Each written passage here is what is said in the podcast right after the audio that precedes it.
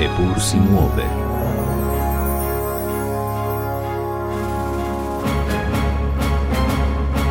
In vendar se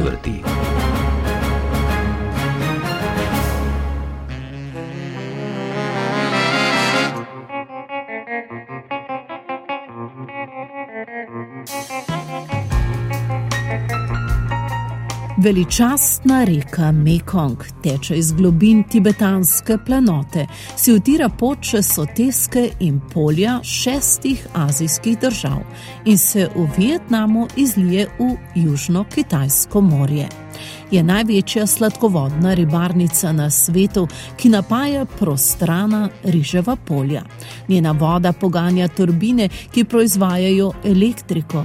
Reka Mekong je bila in je življenje za milijone ljudi, ki živijo ob rodovitnih rečnih bregovih.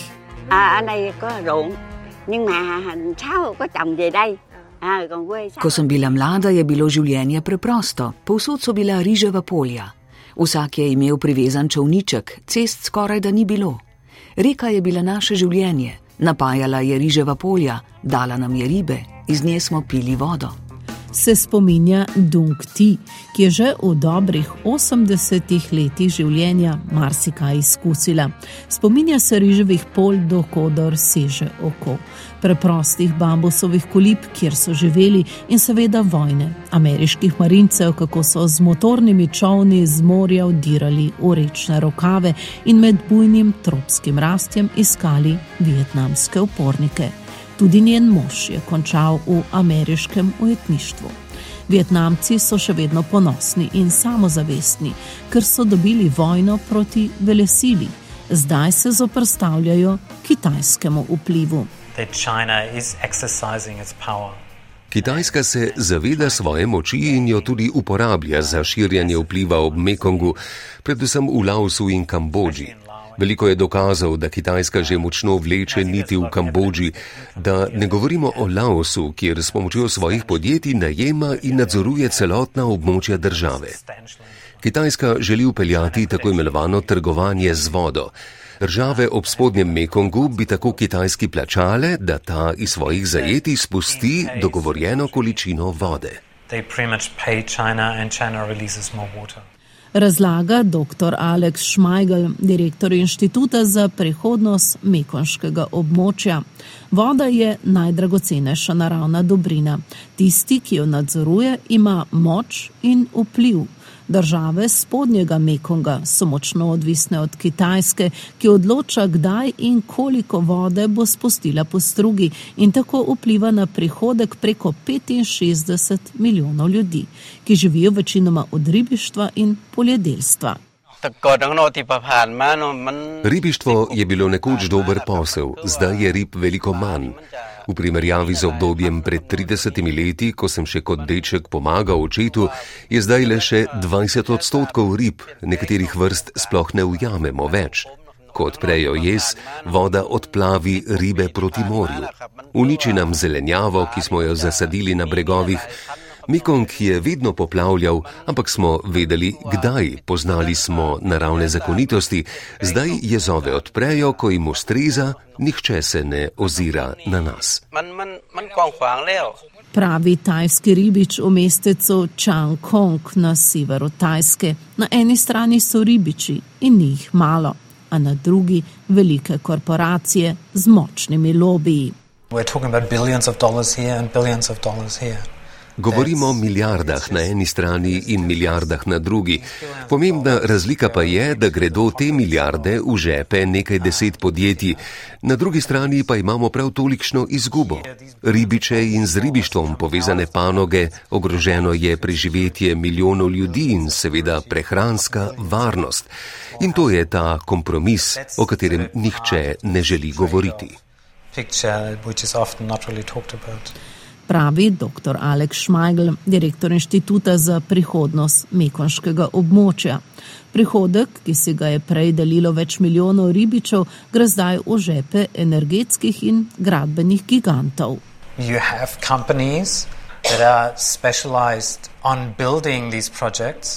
So podjetja, ki so specializirana za to vrstne projekte.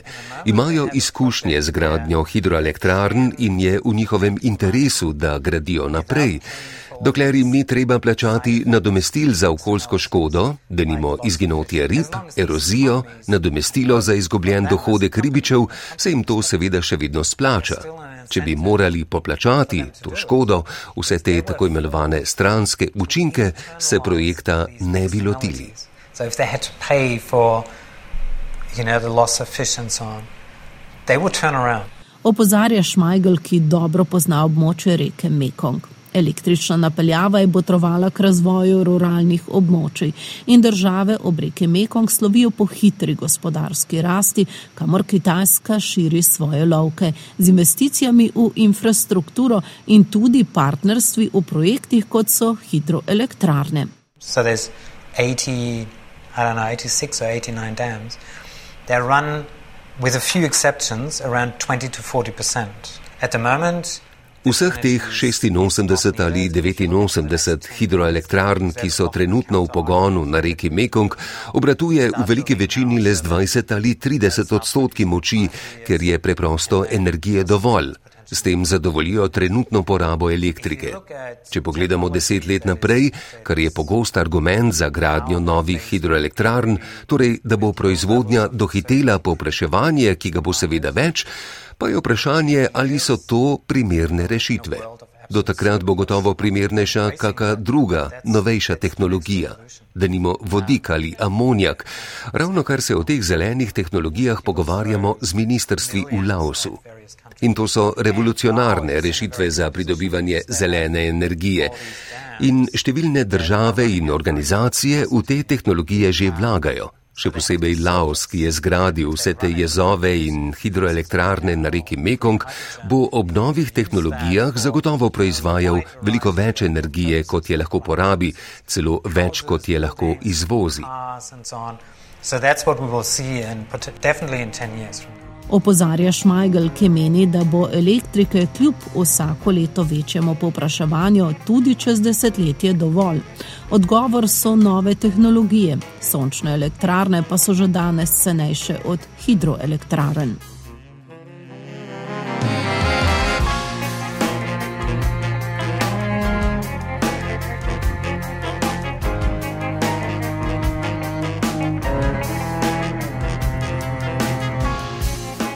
Kitajska ima na tem območju velike apetite.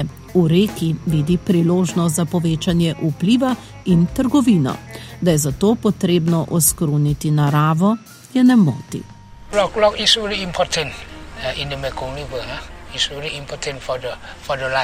Rečne skale so zelo pomembne za življenje v reki Mekong.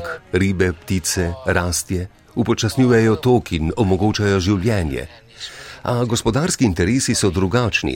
V skalah vidijo le prepreke za plovbo velikih tovornih ladij. Kitajska je že začela projekt miniranja, ki smo ga s protesti uspeli zaustaviti, a skale še vedno želijo odstraniti, da bi omogočili plovbo od Kitajske pa vse do starodavne prestolnice Laosa Luang Prabang. Razlaga Niwa Trojkajev, tajski učitelj, predvsem pa aktivist za ohranitev reke Mekong. Svojimi somišljeniki mu je uspelo zaustaviti gradnjo dveh novih jezov, ki jih je načrtovala tudi Tajska. V Laosu, kjer je svobode govora bistveno manj, aktivisti končajo v zaporih. O ekoloških posledicah se ne govori. Hey,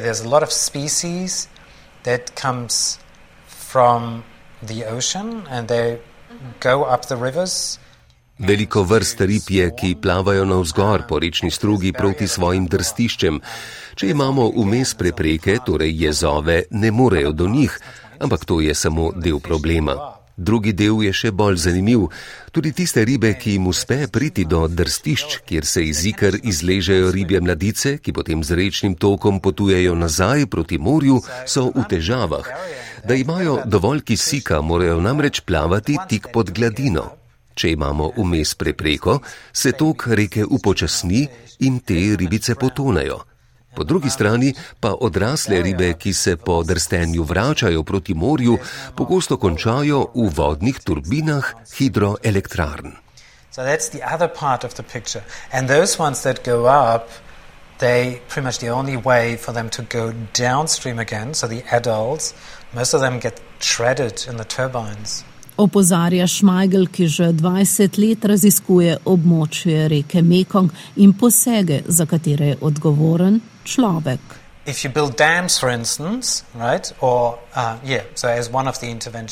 Posledica gradnje jezov, ki je eden izmed človeških posegov, je tudi zajezitev usedlin, tega naravnega gnojila, ki daje življenje delti. Če pomislimo, da se ob istem času še dviga morska gladina, potem je ogrožen živež vseh teh ljudi, ki živijo ob reki Mekong.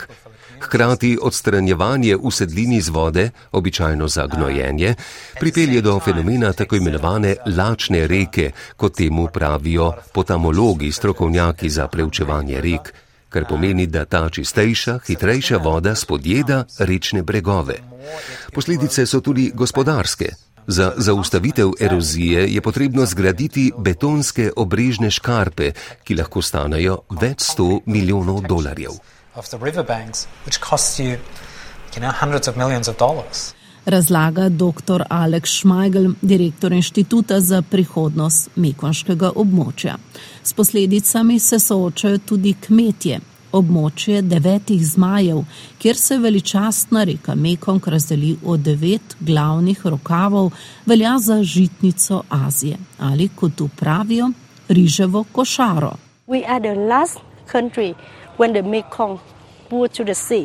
Mi smo zadnja država, preden se reka Mekong izteka v morje.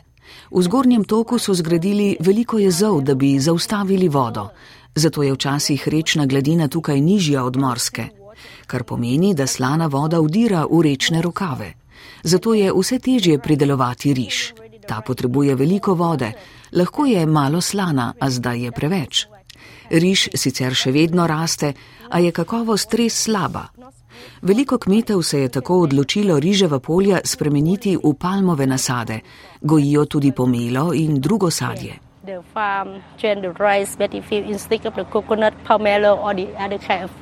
Pravi Doj Ti, agronomka iz kraja Bentre v Vietnamu. Težava je voda, ki je vsako leto bolj slana.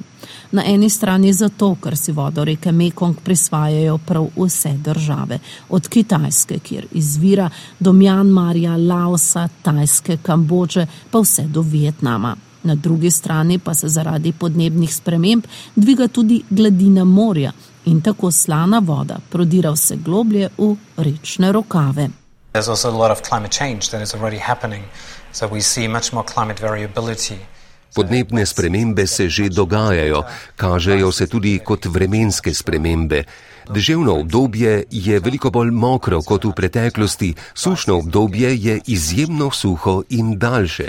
Če pogledamo vodovje, dviga se gladina morja, vedno več je poplav in suš.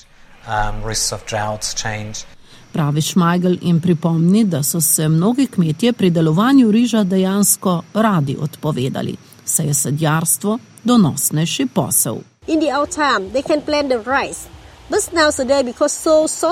Nekoč so povsod sejali riž, a zdaj je drugače. Voda je vedno bolj slana, morska gladina narašča. Ponekod riž ne raste več ali pa se ga ne splača gojiti, je preslab. Zato ljudje iščejo alternative. Vse več jih je polja prilagodilo za gojenje rakcev. Pravimo jim slani rakci. Ljudje so zadovoljni, ker je dober zaslužek. Razlaga Doj Ti, agronomka iz kraja v delti reke Mekong, ki se z nekoliko nostalgije spominja časov, ko so ljudje v teh krajih živeli ob reki in z reko.